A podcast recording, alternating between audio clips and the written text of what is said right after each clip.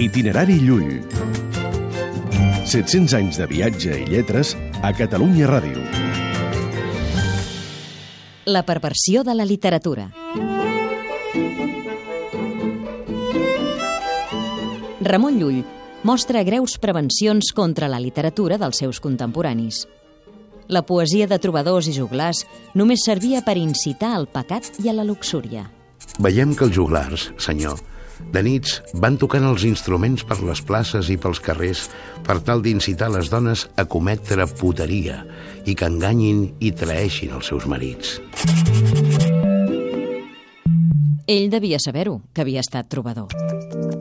Itinerari Llull.